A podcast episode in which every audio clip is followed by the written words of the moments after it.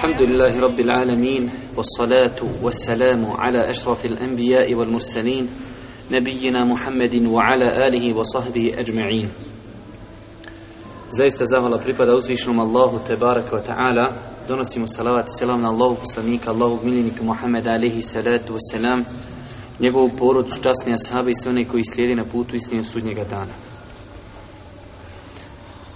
Braću moja draga, kao što znate družimo se sa knjigom imama Buharije Edebul Mufred, knjiga Edeba, morala, koju imam Buharija Rahmetullahi Alehi pokušao da objedini i da okupi hadise koji su potrebni čovjeku muslimanu u pogledu njegovog ponašanja. Pa se sjećamo da imam Buharija u prvim poglavljima govorio kako čovjek treba da se odnosi prema rodbini, prema komšiluku, prema roditeljima nakon toga poglavlje o djeci, poglavlje o nagradi koja očekuje, odnosno koja je običana onome kom je preseli dvoje ili troje djeci maloljetni za njegovog života. Nakon toga Imam Buharija je počeo s jednim izuzetno interesantnim poglavljem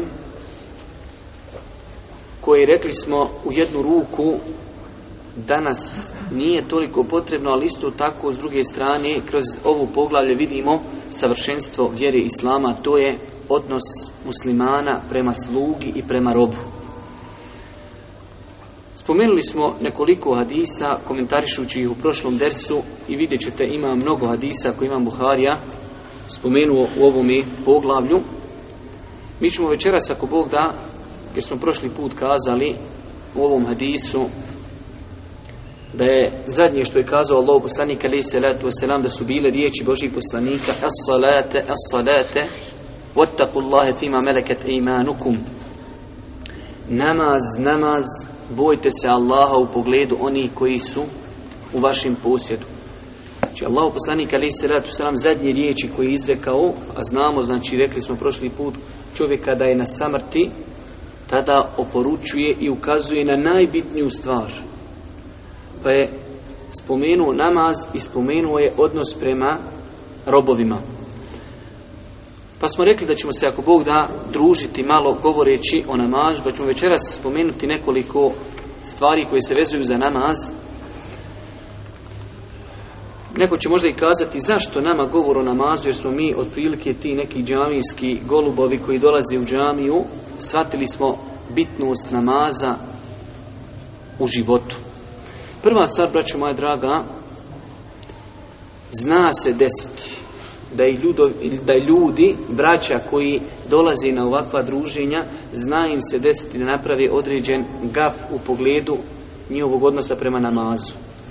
Ja to znam zato što sam, ajde kažemo, potvrgnut tim raznoraznim pitanjima, tako da se, znači nije uopšte nešto plaho iznenađujuće, da se desi čovjek kaže nisam klanjao namaz, desilo mi se to i to i tako da prva stvar znači nikad nije na odmet da čovjek sazna nešto novo. Druga stvar da se prisjetimo određenih argumenata koji ukazuju na bitnost namaza u islamu kako bi to ojačalo u nama želju da ustrajemo na ovom, braću moja draga, velikom ibadetu i na kraju krajeva čovjek dosta puta nije svjestan veličini Allahove blagodati prema njemu.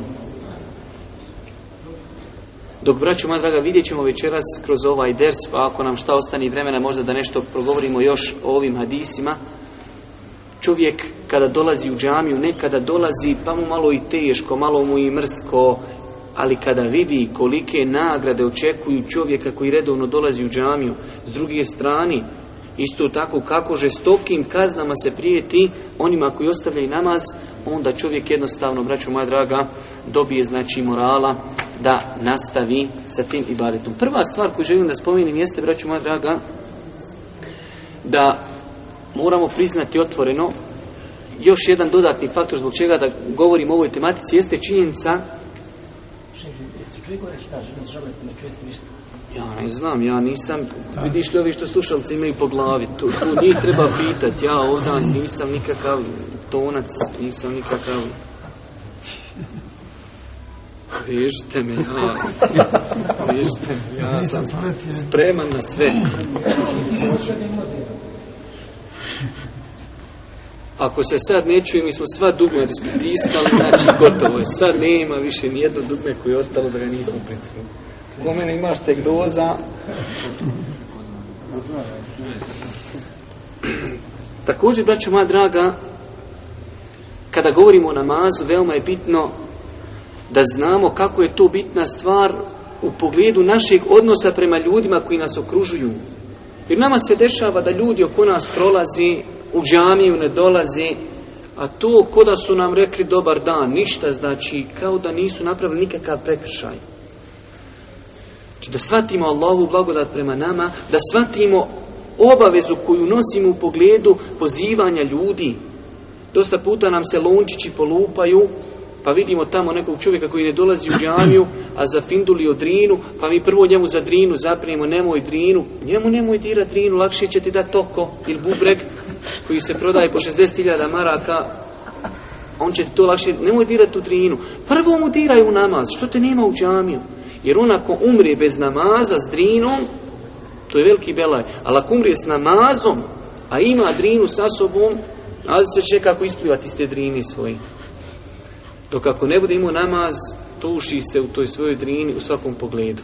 Tako da, onaj, s druge strane, ako pogledamo u stanje ljudi koji nas okružuju, vidjet ćemo, vraću moja draga, da je stanje diskutabilno, da je znači katastrofalno. Ljudi, bošnjaci koji se deklarišu muslimani, ja sam ubijeđen velikim ubjeđenjem da procenat kada bi dosezao do 5% da ljudi klanjaju, pa makar i kod kući, ja bi bio zadovoljan u smislu jer sam uviđen da je manji. A šta je 5%? Da imamo 5% ljudi koji ne klanjaju, to je problem. Ali kad imamo 5% koji klanjaju, u ne ulazeći u to kako klanjaju, znači to je, braćo moja draga, katastrofalna situacija. Jer u bilo kojoj statistici, pa uzmi ekonomiju, uzmi bilo šta drugo gdje imaš 5% uspjeha, šta misliš na, na fakultet se upišeš i kažeš dobio si 0, dobio si 5% od pojena. Nećeš proći, on kad živio ko Nuh, ali i godina, ako budeš takve cifre ponavljao. Dok to ne priđe 50% do 60%, tu se neka šestica da pogledat kroz prste, ali 5%, to je ništa. Tako da imamo znači ljude koji su shvatili da je samo obaveza da dođu na džumu. Imamo ljude koji su još napredniji od njih, pa oni samo na Bajrame dolazi. Zato su nam na Bajram džamije mašala pune i on gotovo dođe na Bajram, kupi sebi kartu za džennet i on čeka sljedeći Bajram. Svakako, braću moja draga, da je to onaj opasno. Šta nam se dešava Ramazan budni, ljudi dolazi na teravih namaz, dolazi i na namaze dnevni. Prvi dan Bajrama, Bajram se klanja mašla puna džamija, dođeš na podni namaz, i oni jednici koji su dolazili u džamiju, oni ošli obilaz trotbinu i oni ne dođu taj dan na namaz.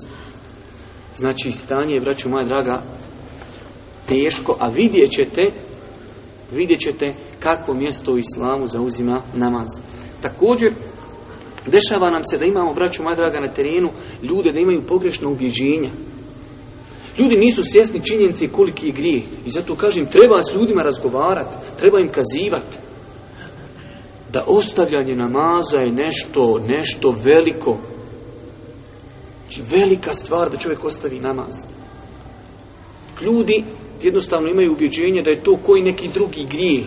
Grijeh je piti alkohol, grijeh je bludničiti, grijeh je uzeti kamatu, ali sve to u pogledu, u komparaciji prema namazu je daleko. I zato kažem, to je veoma bitan faktor zbog čega treba govoriti o ovoj tematici. Također, imam uvjeđenje kod ljudi, čovjek se može natjerati da 30 dana dolazi na teravih namaz, po 20 rekiata klanja. I on konta da je time kupio kartu za džennet. Što je neispravno. Kad ne bi nikad u životu, koliko god da živiš, klanju ni jednu teraviju, Allah te neće pitati jesi klanju teraviju. Nikad u životu ne dođeš na teraviju, Allah ti neće nasunjati reći što nisi došao. Ako budeš dolazio, imat ćeš nagradu. Ali samo jedan namaz ako propustiš, na sudnjem danu će kazati šta je s ovim namazom. Samo jedan propustiš namaz, obavezno. Dok se ljudi toliko trudi da dođu na teravih namaz, a ne trudi se da dođu na obavezni namaz. S druge strane, isto od pogrešnih ubjeđenja jeste i činjenica da imate ljudi, kad u pitanju dženaza, slično mi Ja sam jedno vrijeme boravio u Sanskom mostu četiri godine. Znalo se desiti pred džanijom da dođe kad umri neka čivija, a pa baš čivija, znači po 200, 150, 200 ljudi pred džamijom čeka poslije namaza, podne ili kindije, čekaju da i oni klanjaju džemnazu Koji su to parametri? Došao si i čekaš pred džamijom da ljudi izvijaju i klanjaš sa njima džemnazu Trebaš sebi odmah klanjati džemnazu znači, Da si ušao makar taj dan, došao pa klanja džena, onaj podni ili kindiju, pa sa njima klanjati, ok. Ali čovjek došao da klanja dženazu namaz, čovjek umro i nikakvu korist iz toga nije uzun. Dženaza, namaz, maksimalno što se u njoj kazat može jeste da je kolegijalna obaveza. Znači, tri, četiri čovjeka ako klanjaju dženazu, namaz, niko na planeti nije griješan. Kolegijalna obaveza. Bilo ko da klanja, kao ezan. Jedan čovjek prouči ezan, svi ostali nisu griješni. Ali ako klanjaju bez ezana, svi će biti griješni. To je kolegijalna obaveza. Tako i dženaza. Jedan čovjek da klanja, alhamdulillah, dvojica, trojica klanjih dženazu, u redu je. I čovjek dođe po sto, 200 ljudi i šta je još po meni još gori? Što tim ljudima za moje četiri godine jednom je samo jedan čovjek došao vanredni neki efendija koji ne klanja inače u toj džamiju, kad je vidio, pod mamu zapilo za ljudi, veli šta vam je, što niste ušli u džamiju. Mimo toga za četiri godine nikad niko tim ljudima nije rekao ljudi, što ne dođete vamo klanjati, vamo niko ne ujeda, ne ugriza, ništa, hajte vamo. Govorimo o pogrešnim ubjeđenjima, znači čovjek je spreman da dođe na dženazu koja nije obaveza onoliko koliko je propisani namaz, a ne klanja propisani namaze. Braću moja draga, namaz ima svoje osobenosti. sigurno su ne, u velikom broju slučajeva vama poznati. Ali je lijepo da ih čovjek, ajde da kažemo, ponovi, da se prisjeti kako bi dobio taj jetin i ubjeđenje da ono što na čemu ustrajava, dolazi zajtra, pada snijeg, hladno, dolazi na saba Podni, i akšan, jacija, kasno naveć u 11 sati, 11 i 15, čekaš. Čitava zgrada spava, ti na jaciju. Čitava zgrada na saba uspava, ti na saba. Da čovjek dobije jeklin i ubjeđenje da to treba tako. Makar bio sam u čitavom Sarajevu, čitav u, u, samom svom ulazu, u svojoj zgradi, u svojoj četvrti, to je put istini sigurno. Prva stvar, namaz, braću moja draga, je jedan vijedak i badet kojeg je Allah te bar propisao poslaniku u direktnom razgovoru. Većina propisa Allah te bar je slao Džibrila alihi selam da objavi Božijem poslaniku objavu. Dok namaz ne. Zbog veličanstva, veličanstvenosti namaza, kada je Boži poslanik bio uzdignut u noći u sedmu nebo, u razgovoru sa uzvišnjom Allahom Tebar kvitala, Allah Tebar kvitala je propisao umetu 50 namaza. La ilaha illa. Kad bi ljudi sam razmišljali, šta mislite da je ostalo na 50? Ne može Božnju pet puta klanjati. Ja danas razmišljam objektivno. Znači, ko klanja farze, a to je ono što treba klanjati minimalno da prođeš na sudnjem danu, dama nam je na čovjeka koji klanja četiri kjata farza deset minuta. To ti bio pobožnjak. Da klanja deset minuta četiri kjata podni namaza. Pijet namaza po deset minuta, to je 50 minuta. I ne možemo odvojiti od 24 sata 50 minuta za gospodara. A korist toga se kome vraćamo? tebi, nama, društvu u kojem živiš. 50. Pa je Allah poslanik prihvatio. Isplati se zbog dženneta cijeli dan, da nam je narođeno sto puta, klanja, klanja sto puta, bolan džennet. Pa je prihvatio, pa kada je prolazio kraj Musa, ali se nam kaže, neće tvoj umet izdržati, ja znam šta narod može izdržati. Pogotovo kom je poslan Musa, ali selam, židovima. Ne treba sam dovoljno reći židovima i završeno ne trebaju opisivati. On kaže, ja znam šta narod može izdržati. Vrati se, traži od gospodara da to ti olakša. Pa je se Allah poslanik više puta vraćao, pa je završeno na pet namaza. I Musa ali se nam kaže, ne mogu ni pet. Vrati se opet, kaže, ne mogu više s tim. Pa je rekao uzvišeni Allah, pet je, ali je kod mene 50.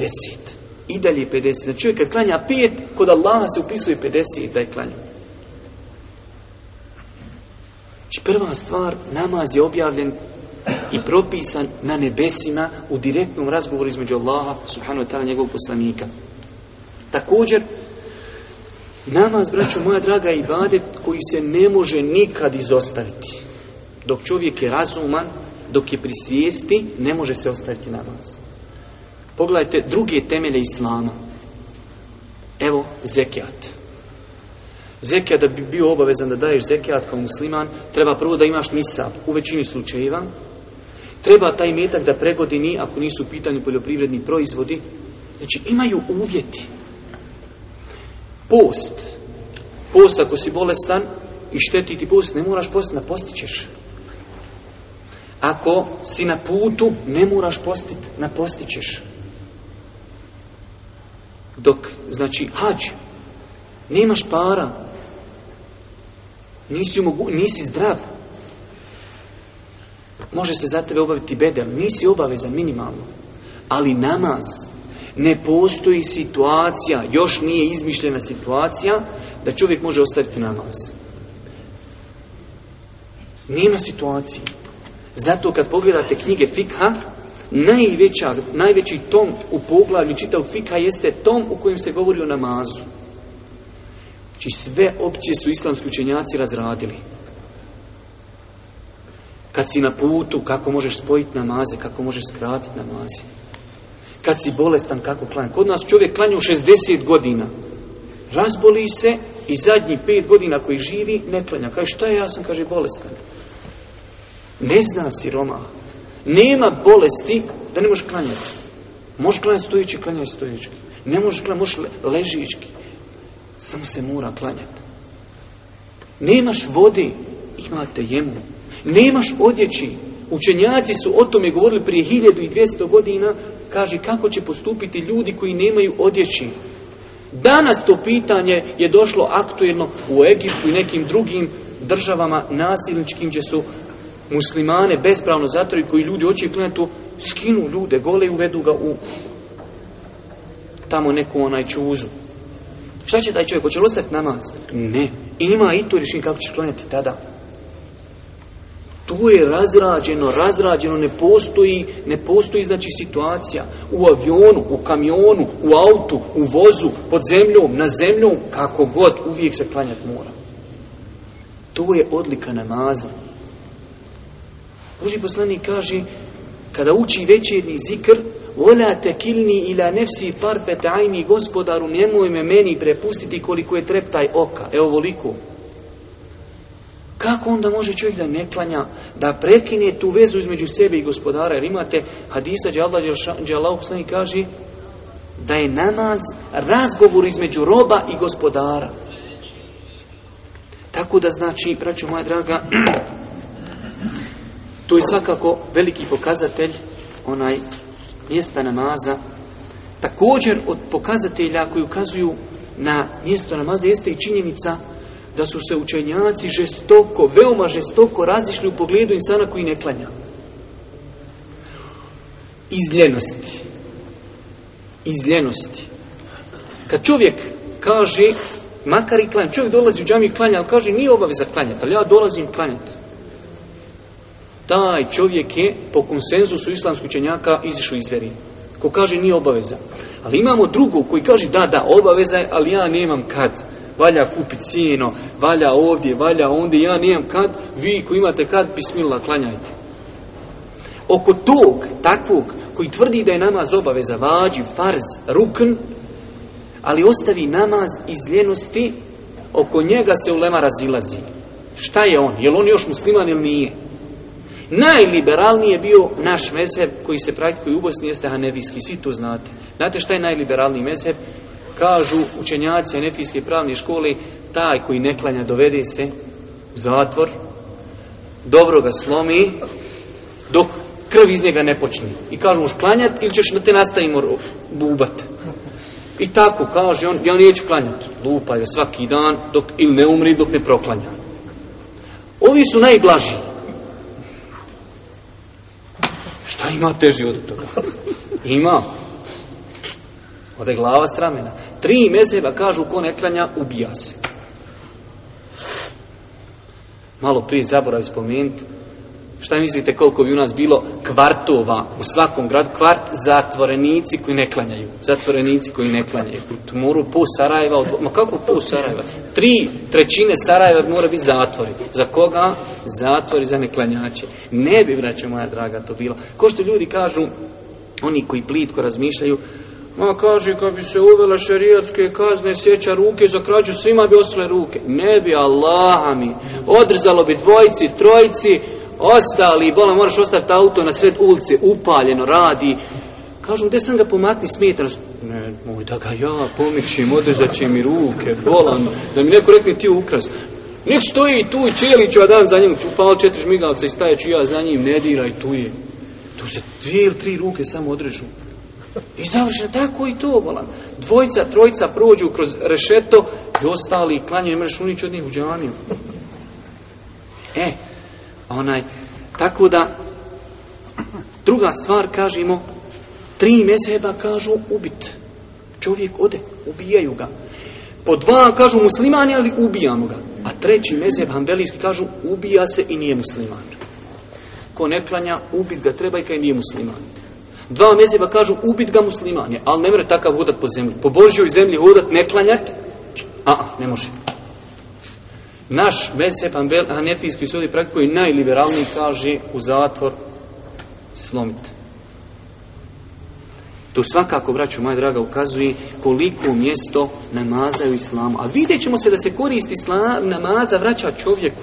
Ne treba Allahu, Allah te bar je neovisan o našem ibadetu. Kada bi svi ljudi na planeti, od Australije gore do onih pingvina, na gore istoku i na zapadu i gore na ledenom, kad bi svi klanjali, i to pet reketa, i po cijelu noć noćni namaz, to Allahu ništa ne znači.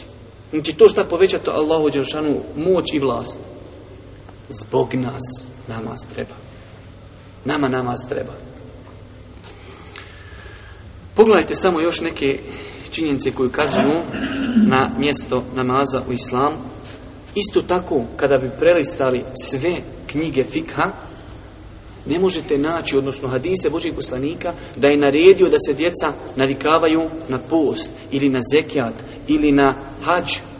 Ali za namaz kaže Muru euladekum kumbohum ebnau seba. Naređujte djeci da klanjaju u sedmoj godini. Kad napuni, odnosno sedam godina. A kad napuni deset, već ih zbog namaza odgojno malo istucite. Mi smo prošli put govorili prošli put, u jednom od prošlih predavanja kada smo govorili o kako djecu privoliti na namaz, roditelji ne znaju da je ovaj hadis izrečen njima. I da se ova naredbena forma odnosi na roditelje. Tako kad roditelj ne naređuje svome djetetu namaz, roditelj je griješan. Dijete ne može biti griješno dok ne postane punoljetno. bi broj ljudi ne sam ovaj hadis. Hadis se tako svata da je naredba ovom hadisu kad kaže Allah poslanik naređujte djeci namaz naredba roditeljima. I oni roditelji koji to ne naređuju po određenom broju učenjaka su griješni. Iako ima učenjaka koji kažu da nisu griješni. Ali znači ima učenjaka na osnovu ovoga kažu kad roditelji ne naređuju svome dijetu u sedmoj godini namaz, kad napuni sedam godina, da su griješni. To je znači također odlika namaza, braću moja draga, da je naređeno da se i djeca privikavaju. Onda su analogno tome učenjaci rekli treba djecu privikavati na post. Treba djecu privikavati na hijab kada su u pitanju ženska djeca. Ali analogno namazu. Također, od bitnosti namaza jeste i tu da čovjek kad zaboravi namaz ili ga prespava, treba da ga naklanja. Kada zaboravi i kada prespava. Pogledajte samo, tu su bile samo neke karakteristike, odlike, kojima se namaz odlikuje na drugim ibadetima. Pogledajte u nastavku neke samo činjenice koje ukazuju na mjesto namaza u islamu. Ovo su bile odlike. Vi znate svi da se ljudi na sudnjem danu, ne na dunjalku, na sudnjem danu dijele u tri kategorije. Muslimani, nevjernici i licemjeri. Licemjeri su oni ljudi koji vanjštinom govore da su muslimani i zato ih mi uzimamo kao muslimane klanjamo im dženazu, od njih se ženimo, za njih udajemo svoju djecu, zato što ne piše čovjek na čelu licenjer. Kaže, ja sam musliman. Dobro. Na sudnjem danu ima i tri kategorije. Licemjeri, munafici, znači nevjernici muslimani. Allah Đelšanu kaže za licemjere Innel munafiqina fi nar Zaista će licemjeri biti u najdubljim dubinama džehennema. Licemjeri. E ti licemjeri, oni na dunjalku klanjaju. Što ovo govorimo? Iz razloga kako onda shvatiti čovjeka koji ne klanja i za sebe tvrdi da je veliki neki musliman kojeg još planeta nije zapamtila takvog. Kaže, umre srce, dobro, čisto ko suza. Što ideš u džamiju? Jam kad. Znači, braću moja draga, Allah Đelšanu šta kaže u Kur'anu, u suri Era'ejte, ledi ju kezibu bidin, govorili smo o tome. ledine hum yura'un. Oni koji namaz klanjaju da bi ih drugi vidjeli. qamu ila إِلَى qamu kusala, yura'un يُرَاءُونَ النَّاسِ وَلَا يَذْكُرُونَ Allah illa qalila. Govori Allah Đelšanu u licimirima pa kaže oni kada ustaju da klanjaju, da klanjaju, oni klanjaju, Kaže, lijeno to čini. Qamu kusala, jura unen nas. Oni, kaže, to radi da bi ih ljudi vidjeli, a oni u tom svom namazu, kaže, skoro Allah da ne spominju. Ovo je opasno. Čit, znači, ovo je osobina namaza munafika, licemjera, daleko od toga Allah da ja sad želim da nekoga ovdje reknem ko je šta, ne, ali da se mi preispitamo. Znači, namaz licemjera je taj namaz u kojem se Allah skoro i ne spominje mi treba da postavimo sve pitanje kako mi klanjamo. Spominjemo li mi Allaha u tome? U kontekstu razmišljamo li mi o tome? Čovjek kaže Allahu Ekber i počne kupiti sjeno, sam ga hođa probudi na selamke, eselamu alaikum, eselamu alaikum. On pokupio sjeno, on napravio kuću, on doprijemio gore sprat, on je potkovu rešmu, sve sredio, hođa ga probudio, selam alaikum, alaikum, selam. Eto, eh, veli, tamo isplanirao sam svu čitavu heptu, pošto jednom dolazim u džamiju heptično na džumu, tamo ova dva rećata, fino i hudbu, ono, nastavim se naziv nazi, dok hođa ispriča, ja ću fino sebi isplanirati slijed, sve do petka sljedećeg šta ću činiti. Da pita šta je hođa učio na namazu, šta je pričao? Nemam pojma kaj nešto je učio i nešto je pričao, šta li je pričao, ne znam, nija, ja sam bio zauzet nekim drugim stvarima. Kaže, vjerovatno ste i čuli za tu predaju, koliko li vjerodostojne Bog zna, kaže, ljudi jednom klanjali namaz i poslije namaza ne mogu se nikako odgovoriti klanjali dva ili četiri rekiata. Kaže, jedni klanju je četiri, kaže drugi ne, dva. Kaže, jedan sto posto je dva klanju. Kažu, kako? Kaže, ja znam, ja svaki dan kad klanjam, ja, kaže, tim, ja, kaže, uniđem u autobus i vozim se u autobusu dol do svog radnog mjesta danas veli upo puta hođa preda selam. Veli sto posto je hođa klanja dva rekata jer veli još do kraja se treba voz dva rekata ima klanja. Ka ja svaki dan se vozim u autobusu, veli ja sve putem idem sa stanice i na stancu dole, kad dojem na poslu hođa selam preda. Kažu predo je veli selam prije vremena.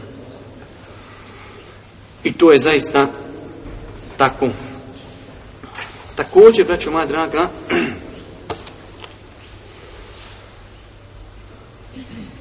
od stvari koje ukazuju na mjesto namaza u islamu jeste hadis Allahu poslanika ali salatu wasalam poznati hadis od Abdullah ibn Mes'uda kaže Abdullah ibn Mes'ud pitao sam Allahu poslanika koje djelo je najdraže Allahu kaže najdraže djelo Allahu subhanahu wa ta'ala je as-salatu ala waktiha namaz u njegovom namaskom vremenu najdraže djelo koje čovjek može uraditi jeste da klanja namaz u njegovom namaskom vremenu nakon toga koje dobročinstvo roditeljima, nakon toga koje borba na Allahovom putu. Također, s druge strane, braćo moja draga, ako pogledamo u nagrade koje su obećane za namaz, čovjek ne može da vjeruje, i to je ono što kažem, nagrade se nama vraćaju. Pogledajte ovaj hadis, možda je velikom broju i nepoznat hadis, znači vi znate da je pravilo kod mene da ne spominjem osim hadise koji su vjerodostojni, Šeha Albani ovaj hadis ocjenio vjerodostojnim kaže Allah poslanik kada čovjek dođe da klanja donesu se njegovi grijesi sreća pa ti grijesi to je znači hajde da kažemo to su gajb stvari za nas da su oni kako mogu se vagat samo kakvom bilo kakvom kilažom to bi nas zalijepilo dole svi mi sjedeći klanjali ali eto Allahova milost je takva kaže pa se donesu grijesi stavi se na čovjekova ramena Kaže, pa kad god ode na ruku i kad god se vrati sa ruku, odi ode na seždu, kaže, ti grijesi spadaju sa njega. Čo što treba da si non stop u namazu, samo dole gore, ali to ne znači dole gore ko mi na teravi da nam ispadne što više ko jabuke i sepeta kad ih voziš na konjskim kolima. Ne, polako na ruku, pa na seždu, da znaš šta si klanju. A što više ruku, a što više seždi, da to spada sa tebe. Znači, ne znači ovo, hajmo, trkanje, koji će, ko će najbrže klanjati teraviju i rekord se drži. Ja ne znam ovdje koji u Sarajevu rekord, 9 minuta, 20 rekiata. Znači, podijeli sa 20 rekiata, to znači malo manje od po minuti rekiata. Kako li izgleda taj rekiat, ja mislim da smo mi Turke pretekli, onaj Turčić što je pasio, su slomili ruku, mislim da, mi, da mi vodimo u tome. U svakom slučaju, znači hadis koji ukazuje na veličinu ovog ibadeta svi mi imamo grijeha, svi bi voljeli da ih se riješimo. Pa evo prilike. U namazu čovjek znači onaj ima priliku da se riješi grijeha S druge strane, vi vidite kako mi imamo mogućnost po cijeli dan da se prljamo grijesima. Jer grijesi prljaju čovjeka, to je definitivno. Prljaju njegovo srce, izvor njegove snage. Boži Poslanji kaže kada čovjek uradi grijeh, na njegovo srce se tačka jedna stavi. A u nas ti oni debeli flamasteri, pošto su veći grijesi, to ide začesti, srce, srce postane crno. E, ima mogućnost da čovjek to u toku dana peri. Kaže Allah poslanik jedne prilike sadma, šta mislite kada bi neko od vas imao pored kući rijeku u koju bi se kupao pet puta? Pa pet puta. Kad bi imao čovjeka koji se dnevno jednom kupa, kad bi bio najveći ođačar, on će biti čist, svaki dan se kupa. Zamisli pet puta se kupa. To volan rudar, bilo ko da se kupa pet puta čist mora biti. A kaže Allah poslanik, primjer toga je primjer namaza. Pet puta čovjek kada klanja, kao čovjek koji se pet puta dnevno kupa u rijeci. Zamislite, kaže, on pita Boži poslanik, kada bi se čovjek pet puta kupao u dnevnu rijeci, bi li moglo ostati na njemu nečistoći? Kaže, sad pa ne može Allah poslanik, kako pet puta? E kaže tako isto namaz. To svakako opet ukazuje na mjesto namaza. Rekli smo prošli put zadnja stvar koju je Allah rekao na samrt je bila namaz, namaz. Zadnji riječ, zadnja oporuka jeste da se pazi na namaz. Vidimo s druge strane, braćo moja draga, i to je možda jedan ključni razlog. Oni su se odmarali u namazu. Oni su to zaista doživljavali da je to razgovor sa Allahom. Dok mi to doživljavamo kao jedna dodatna obaveza. I zato nam je teško. Zato Boži poslanik kaže Bilalu, Bilale, ustani, prouči ezan, odmori nas namazom. Kod nas nema odmora u namazu. Nama je teško na namaz. I to je jedan od razloga zašto ljudi na kraj krajeva i ne ustrajavaju u namazu. Također, redovno obavljanje namaza je, braću moja draga, jedan veliki razlog zasluživanja dženneta. Božijem poslaniku dolazi jedan ashab koji učinio Božijem poslaniku, ali salatu wasalam, uslugu. Božim poslanik, znači donio je Božijem poslaniku vodu za abdest. Pa kaže Božji poslanik, traži od mene, da ti dam nešto. Traži. Imaš kakvu želju? Ja sam to navodio nekad, braći. Pogledaj kako su ti ljudi razmišljali ahiretski. Ko smo prošli put rekli. Kad su pitali onog jednog selefa, zašto su oni žudili za ahiretom? Zato što su svoj imetak tamo slali. I onda su žudili da se sretnu s tom nagradom. Isto tako, braću moja draga, i u ovom slučaju. Da Allah oprosti, možda bi se i meni to uklizno, da mi dođe sad neko i da kaže ko neka čarobna vila, kaže meni, hajde traži nešto šta će da ti dati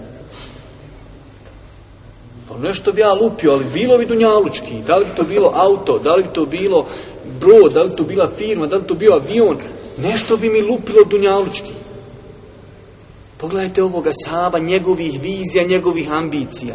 Kaže Allah poslanik, traži da ti dam, traži šta ćeš. Kaže Allah, poslanić, ja hoću, kaže da budem s tobom u džennetu. Pusti se bolan auta, pusti se montirača, pusti se bajef, ja sinoć idem, vidim auto, neki Audi iz zadnja, neka tamo tipa, lupio neku peglicu, lišnu malu, razlupo se, jadnik, razlupo se, ništa od njega. Eto ti reka Dunjaluka. Da je makar zvizno u neko dobro auto, već se razlupo od, od kantu. I eto dunjaluk, ne kažem treba dunjalku i treba raditi, treba biti musliman i treba imati para, ali ne na račun namaza. Pogledaj njegovih ambicija. Daj ti meni i džennet na dunjalku, kako god da prođem. Gladan, žedan, umru, proći onaj koji je bogat i on će umrti, onaj koji je siromašan i on će umrijeti. Daj mi ahiret. Kaže, hoću da budem s tobom, kaže, u džennetu. Pogledaj poslanika. Ko što, mi se neki dan svidilo jedan brat, kaže, subhanallah, čovjek kada bi ga ovako vi vidjeli vanjštinom, vi bi rekli, ovaj nikad u džennet neće. A ima čerkicu pokrivena.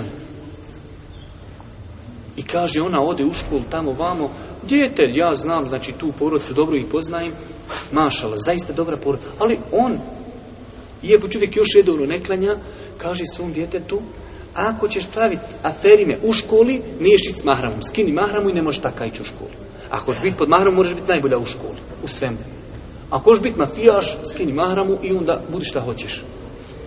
Kaže, pa sam ja zaprijetio čirci, ako veli se nastaviš tako ponašat, ideš bez mahrame u školu ja njemu kažem, preko znaš što je, pa, to, čestoke su to prijetni. Nije, kaže, ja hoću da vidim samo je ona čvrsta. Hoće li ona da rekne, pa eto, koji tako, ja ću nju skint, veli. Ili će reći, ne, ne da mahram je ni pošto. Pogledaj kako čovjek ispituje dijete. A i ovdje Boži poslani kaže njemu, da ništa drugo slučajno, veli, da nije mu se slučajno klizno, pa će doći mu šeki, pa da mu rekne, pa treba vola nešto drugo. Kaže, da, siguran da to hoćeš. Kaže, siguran sam, sam to. Kaže, a mi, ala nefsike bi kethati suđud. E onda kaže, pomozi ti meni da to postigneš tako što ćeš mnogo sežde činiti. Aludira se da ćeš mnogo klanjati. Ćeš mnogo sežde činiti. Znači, iz ovoga vidimo, znači, ko hoće u i hoće da bude nekim deređama blizu Božih poslanika, onda je namaz ispravan put. Zato kažem, braću moja draga, je čudno je to stanje ljudi, kako ne razmišljaju. Imamo mi jedan problem ovdje u Bosni, ja sam spomnio njega dosta puta kroz predavanja i treba ga opet napomenuti. To je, ja sam dosta puta, evo ovdje, hvala Bogu, nema te novotarije, negdje gdje sam ja prija poradio. imate novotariju da kad neko umre, popnu se ljudi na, na munaru ili sjede dole sa mikrofonom i uči je takozvanu salu. Ja kažem, to je novotarija, definitivno. Ali da makar tu novotariju proučite na bosanskom. Kako tamo tu, kako je fino značenje tih riječi koji se uči? Da znate, svi ćete napustiti tahire, tovo, svi ćete napustiti dunjalu, valja vam umrije, tovo, ali na arapskom. On gore uči, ovi dole hodaju, šale se, ko da ništa nije rekao. Tako, problem kod nas normalno ezan se ne može učiti osim na arapskom, a ljudi ne znaju. Gore mu ezin viće, hajja la salah, hajja lel felah, on jadnik Ispadeš im u krajnici koliko mi, dođite na spas, dođi na, ovo ti je spas, nije spas, niđe drugo osim ovdje. Spašavaj se, šta me briga, nemam kad. Ljudi ne razumiju šta znači. Pogledajte Allahovog hikmeta i mudrosti. Svaki dan, pet puta, on tebi jasno viće, dođi na spas, ovo je spas. Čovjek kupim sjeno, misli da je tu spas, ne je u džami, klanjaj popi za sinu.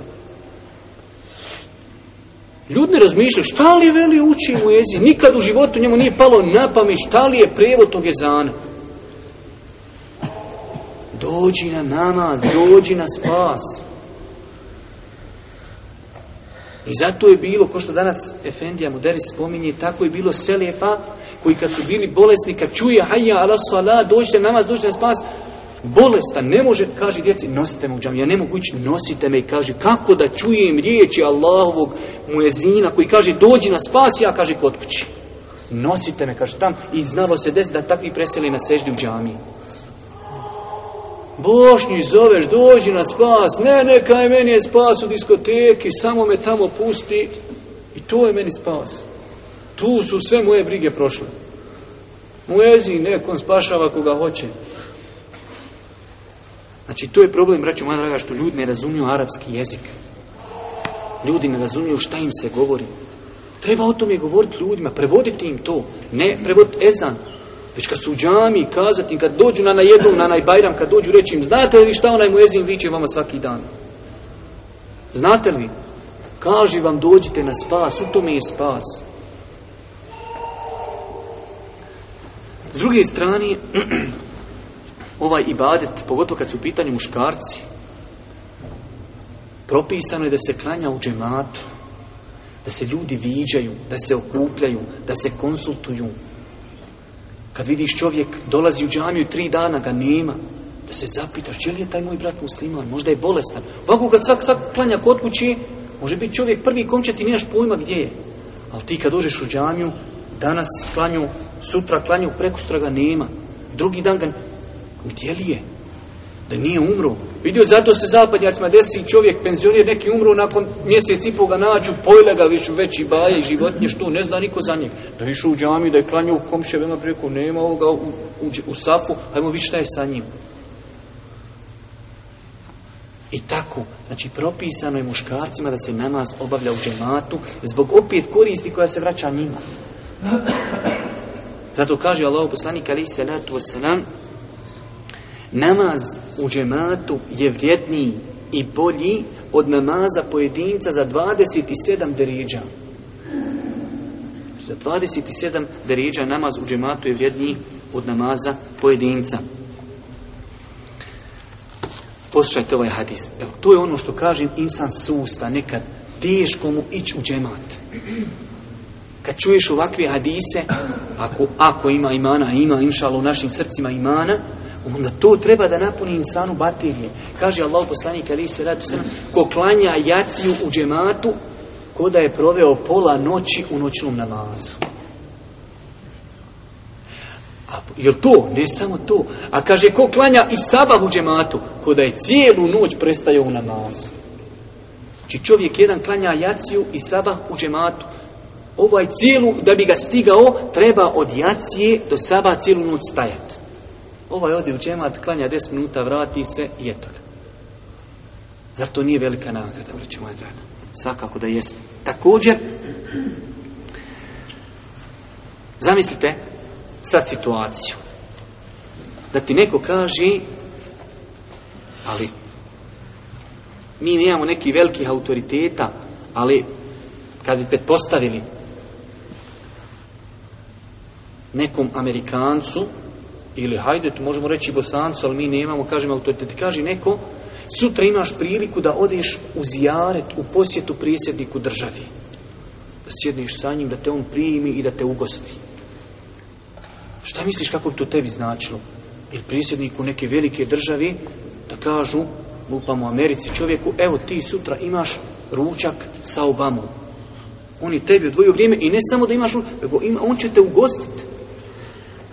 Čovjek bi se tresu ko Banja Luka, valja otić, kako, šta. On bi to spom... Nišane, ako je musliman, on bi rekao na Nišanima napište, tog dana sam ja bio na ručku kod, kod prijesednika. Toliko to njemu znači. A pogledajte ovaj hadis koji izbiliži imam Taberani sa vjerodosnim lancem prenosilaca, kaže Allah poslanik ali se ratu sam, ko abdesti u kući potpun, potpunim abdestom. Zatim dođe u džamiju, on je Allahov gost. A god, kao Allah poslanik kaže, a gost ima pravo da bude ugošten kod onoga koga je još ugošten. Imaš pravo kod Allaha da budeš ugošćen. I hoće, hoće Božnja tupi, hoće u diskoteku. Gdje će mu naturat droge, gdje će se našljokat, gdje će poludit. Vidjeli ste sino što pucaju gore po skenderi. Nećeš u džamiju, nećeš u Allahu okrilje, nećeš da budeš Allahov gost. Hoćeš da bude u gost. Je li moguće shvatiti ljude? Nemoguće je sad kad čovjek razmišlja unutar džami gdje nema šeitana. Ali kad iziđeš, kad čeki vreću na, vla, na glavu navuče, ti ne vidiš ništa pred sobom. Onda ljudi skontaju da je bolje ići u kafanu. Poslušaj drugi hadis. Da čovjek može uraditi na dunjalku djelo da mu se obraduje njegov gospodar. Misliš da možeš uraditi djelo i da dođe sutra, evo, navišćem u pozitivnom kontekstu, dođeš sutra, uradiš neko djelo i sutra te sretni ris i kaže, e, aferin ti ono što si radio svaka ti čast. Ti bi čovječe, ti bi procvo, ti bi hodo ko paun, znači sam te probao stiglom, ti bi eksplodirao. A pogledaj šta kaže Allah se se se selam u vjerodostojnom hadisu. Kaže, ko abdesti na potpun način, zatim ode u džanju, ne želijeći ništa osim namaz. A, ne ideš tam te ljudi vide pa da kaže, e, glasajte za mene, znaš, ja sam bio jednom u džamiji na džumi. Ne, ne, ideš u džamiju zbog namaza. Kaži, ko abdesti na potpun način, zatim ode u džamiju, ne želići ništa osim namaza, njemu se Allah obraduje. Kao što se porodica obraduje čovjeku koji je bio na putovanju pa se vraća s putovanja. To znaju roditelji kako je. Roditelj kada putuje bez obzira dva ili tri dana, pa kad dođe kući, kako ga čekaju djeca, kako ga čeka Hanuma, njegova majka, kako ga...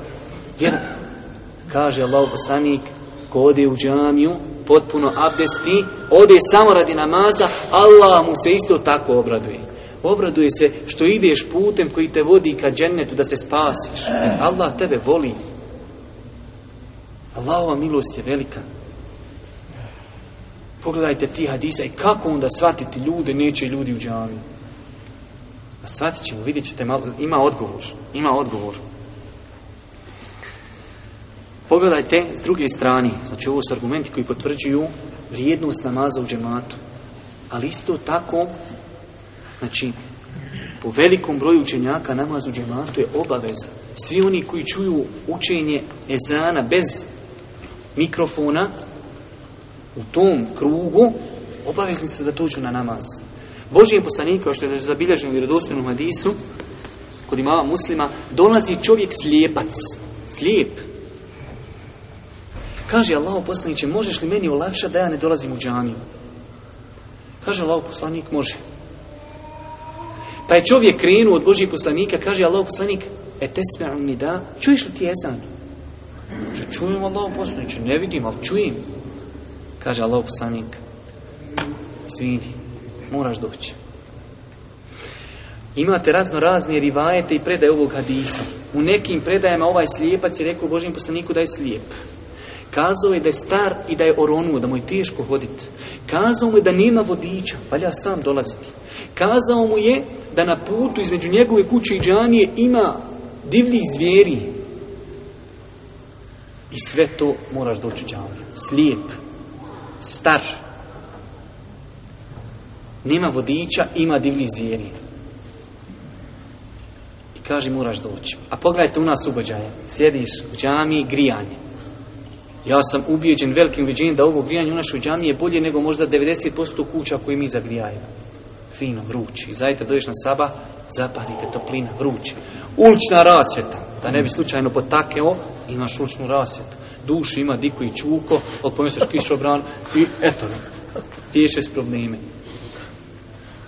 Znači, imaš sat da, da ustaniš, imaš mobitel, imaš sve, na kraju kraju imaš auto, imaš biciklo, imaš role, imaš rošule, no buci nešto, šta se nosi, samo hoćeš pješci, hoćeš dođi pješci. I sve to i opet oni viče njemu ali mu jezin ima dodatak i zajtra. Es salatu hajru minen neum bolje ti je bošno klanjat, nek spavat. Ne, ne, ne, znam ja šta je meni bolje, bolje je spavat, mu ezine, pustiti, ti, to, beri baje. On viče i to dva put mu ponikaj, bolje je bolan klanjat, nek spavat, haj klanjaj. Ej, ali je, ko što je došlo tim nekim rivajetima, šeki, znači se njemu da prostite pomokri u uši i on ne čuje mu jezina zine, čuje ništa. On je do tri bio po diskotekama i on kad zaspi, on će prispavati podne i kindju kamul sabah na nas. to kažem, čovjek nije svjestan veličini blagodati. Allah te barke ta'ala, znači pogledaj, ponavljamo, topla džamija, ulična rasvjeta, sve blagodati. I opet čovjek ne dolazi u džamiju.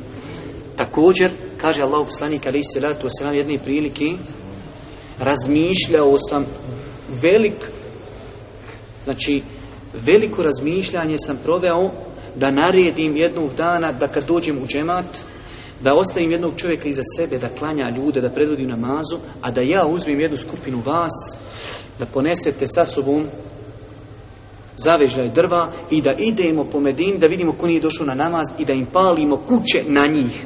Ne samo kuću da zapali. Čovjeka u kuću i na njega drva i zapali sve nek izgori. Opet zbog koga? Jer se korist namaza u džematu vraća poslaniku. Ne, korist se vraća nama, vraću moja draga. Sve to ukazuje na bitnost ove tematike.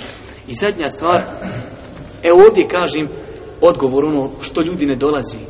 I sam Allah poslanik kaže, najteži, kaže, namaz licemjerjima je Sava i Jacija. Ali kaže, kada bi oni znali da će u džami dobiti, kaže, kost sa dosta mesa, i došli bi oni. To je. Ja sam, vjerujte, kad sam bio dijete, slušao čovjeka koji kaže svojim, znači ja ga slušao svojim ušima i kaže, ono, tada još je to, kaže on, i kaže da se deli meso u džami, ja bi ostao ono kao u prvom safu. A nikad ne klanjam. Ali kaže se da li mesa dijeli? Ja, je non stop bio prvi saf. A ti ljudima rekniš, po 100 eura se dijeli na ulazu u džamiju. On bi ti ušao na vrata, ušao opet, izišao na, na donja vrata deset puta na jednom namazu dizao pare. Samo daj šuške. Zato što se to naplaćiva u papirima. Ali kad se napis, naplaćuje tamo da meleci zapišu, pusti to, ko u to vjer, koji se kaže, da vratio, bolam, nije se niko vratio. Tu je problem. Što su ljudi pobrkali lončiće i parametre dunjalučko-ahiretski. Dali su prednost dunjalku nad ahiretom. Nema smetnji, mi smo rekli dosta puta i ponavljamo, nema se Klanjaj, nakon toga Allah Žešanu kaže nakon džumi, fenteširu, klanjali ste džumu, raziđite se, tražite Allahov risk, Allahov, znači kad ljudi kažu petak je neradni dan, ko može da mu je neradni dan, ko je neradni, nemoj prigovara čovjeku nakon čumi, slobodno na njivu, kupi sjeno, kopaj krompire. Bismillah, traži Allahov rizk, traži na fakt. Ali nemoj to bude na uštrb Islama. Tebi taj Islam treba. Nemoj da bude na uštrb tebe. Obavi namaz, nakon toga, brate, nemoj, nemoj dizat glavu iz kanala do ikindije od podnije čuvaj abdest, odmah klanjaj i opet nastavi do akšama. Ti mogu leđa izdržati. Možeš spojiti do jaci, opet do saba, kopaj koliko moraš. Ali znači nemoj da bude na uštrb islama, nemoj da bude na uštrb namaza. I zadnja stvar, braću moja draga, tek smo na početku ćemo spomenuti, nakon što smo spomenuli odlike namaza, nakon što smo spomenuli mjesto namaza u islamu, nakon što smo spomenuli vrijednost namaza, nakon što smo spomenuli vrijednost namaza u džematu, nakon što smo spomenuli dokaze obaveznosti namaza u džematu za muškarce, jer ovo se odnosi samo za muškarce, ženama je znači dozvoljeno da dođu u džemat, ali im je bolje da klanjaju kod kući, kao što je došlo vjerodostojnim hadisima. Ostaje zadnja stvar, iako znači onako malo poteška, u smislu poteška, da se time završi ders, ali Nekada treba ovaj, najteži stvari ostaviti za kraj. Jeste grijeh ostavljača namaza. Mi smo rekli, cijelo vrijeme govorimo ostavljanje namaza grijeh. I rekli smo se učenjaci razilaze oko toga. Kaže Allah poslanik alaih salatu wasalam Inne bejna rađuli u bejne širki el, u el kufri tarku sala. Zaista između čovjeka i mnogoboštva i nevjerstva ostavljanje namaza. U drugom rivajetu kaže Allah poslanik Inna l'ahda alladhi bejnena wa as salata kefer ugovor, znači zastor između nas i nevjernika i namaz. Koga kaže, ostavi počinju je nevjerstvo. Boži poslanik rekao, tu ne treba znači puno filozofirati. Pogledajte kolike, hajde kažemo, teške hadise imamo u onaj kontekstu ostavljanja namaza. Isto tako Allah poslanik ali salatu selam kaže ko bude čuvao namaz, namaz će mu biti svjedok i dokaz i spas na sudnjem danu. Tri stvari. Ko bude redovno obavljao namaz, imat će svjetlost, to će mu biti dokaz i to će mu biti spas na sudnjem danu. A koga ne bude čuvao, neće mu biti svjetlost, ni dokaz, ni spas i bit će na sudnjem danu sa Karunom, Faraonom, Amanom i Ubej ibn Halefom. Pogledaj ekipi. Njih četvorca je ovaj pir. Nije znači koji je to peterac, znači košarki. Petorca. Faraon, Haman, Karun, Ubej ibn Halef i taj ko neklanja petorka. Znači, to ti je tim koji ne mere pobijeti, nema teorije. Gubiš u, svaku, u svakoj opciji, ti si izgubio. Nema, to su neoigrani igrači. I zadnja stvar, pogledajte samo koliko su ashabi bili u pogledu toga ujedinjeni, kaže e, imam Tirmizi bilježi predaju od Abdullah ibn Šeqiqa, poznati tabi'in, on kaže, Abdullah ibn Shaqiq u vjerodosnoj predaji, kaže, ma eh, kane ashabu Muhammedin sallallahu alaihi wasallam la yarawna shay'an min al-a'mali tarku kufru ghayra sada. ashabi Allahu nisu smatrali da je nevjerstvo ostavljanje nekog djela osim ostavljanja namaza znači ashabi svi on kaže kad je bilo koje djelo da ostaviš oni nisu smatrali da je to kufr osim namaza jedino kao što su smatrali ako ostaviš da spočinu kufru jeste ostavljanje namaza. Znači, braćo moja draga, bitna tematika. I zato rezimiram, ponavljam, kažem, prvo mi koji smo ovdje, koji dolazimo, lamdla, ovakva predavanja treba da nam budu dodatna satisfakcija, da ustrajimo. To što niko iz svoje zgrade ne dolazi, nek ne dolazi. Pustite se onih pjesmica iz komunističkog doba, kud svi tu i mali mujo. Hoće svi u džehennem, hajte, bilo vam, ja niću. Ja neću, taman kad bi svo Sarajevo, sva Bosna krenula, ja neću džehennem. Zato kažem, ovakva predavanja trebaju i nama i zajitra kad teško ustat, ladno, teško abdestit ovu, onu, pa na putu, Boga mi, ja znam da je nekad problematično. Treba se zaustaviti, treba uzeti tajemom, treba klanjati neđe na nekoj vjetrometini, ovakvu, onaku, Znam da nije lako. Ali Boga mi, braćo moja draga, uvijek imati na umu ove hadise koji govori o obaveznosti, imati na umu hadise koji govori o vrijednosti, imati na umu džennet i završena stvar. Zato kažem, nema prvenstveno je poruka u tome, s druge strane, isto tako da shvatimo koliki emanet nosimo. Da ljudi koji nas okružuju, da ih treba prvo pozivati, braću moja draga, u namaz. Boži poslanik kada je slao Muaz ibn Džemela, Džebela u Jemen, kaže, prvo ih pozovi da kažu la ilaha illallah. Alhamdulillah, mi imamo ubosni ljudi, kažu la ilaha illa, iako ne znaju šta znači. Kažeš, znaš šta znači, sam prevedi mi la ilaha Kaže, znao sam, kad sam išao, kad sam bio mal, kad sam u sad ne znam šta je prijevod. Kamu da znaš šta znači. Ali evo, kažu la ilaha Nakon toga, braću moja draga, znači prva stvar koja normalno ide u sve to pojašnjenje ide vjerovanju Allah, te ta'ala, ali namaz. Zato da ljudima govorimo treba ostaviti drinu i ostali neke stvari. Uđeš čovjek, ugledaš sliku na zidu, sa njim se posvadiš, neće ti šetanje, neće ti meleci u kuću, to Bolan za njega je to vrh gore Eiffelovog tornja, ne može on dotle Ne Nemoj se sa njim svađati oko ti neki, hajde kajmo, sporednih stvari. Već pokušaj izgraditi sa njim podnose da mu uspiješ ukazati da mu uspiješ ukazati na bitnost namaza u islamu. Molim Allah te barke ta'ala da ono što čuli bude korisno za nas. Molim Allah subhanahu da nas učesti na putu istini. Molim Allah subhanahu wa ta'ala da nam bude milosti na sudnjem danu, da ukabuli naša djela. Na kraju subhanaka Allahumma wa bihamdika la ilaha illa anta astaghfiruka wa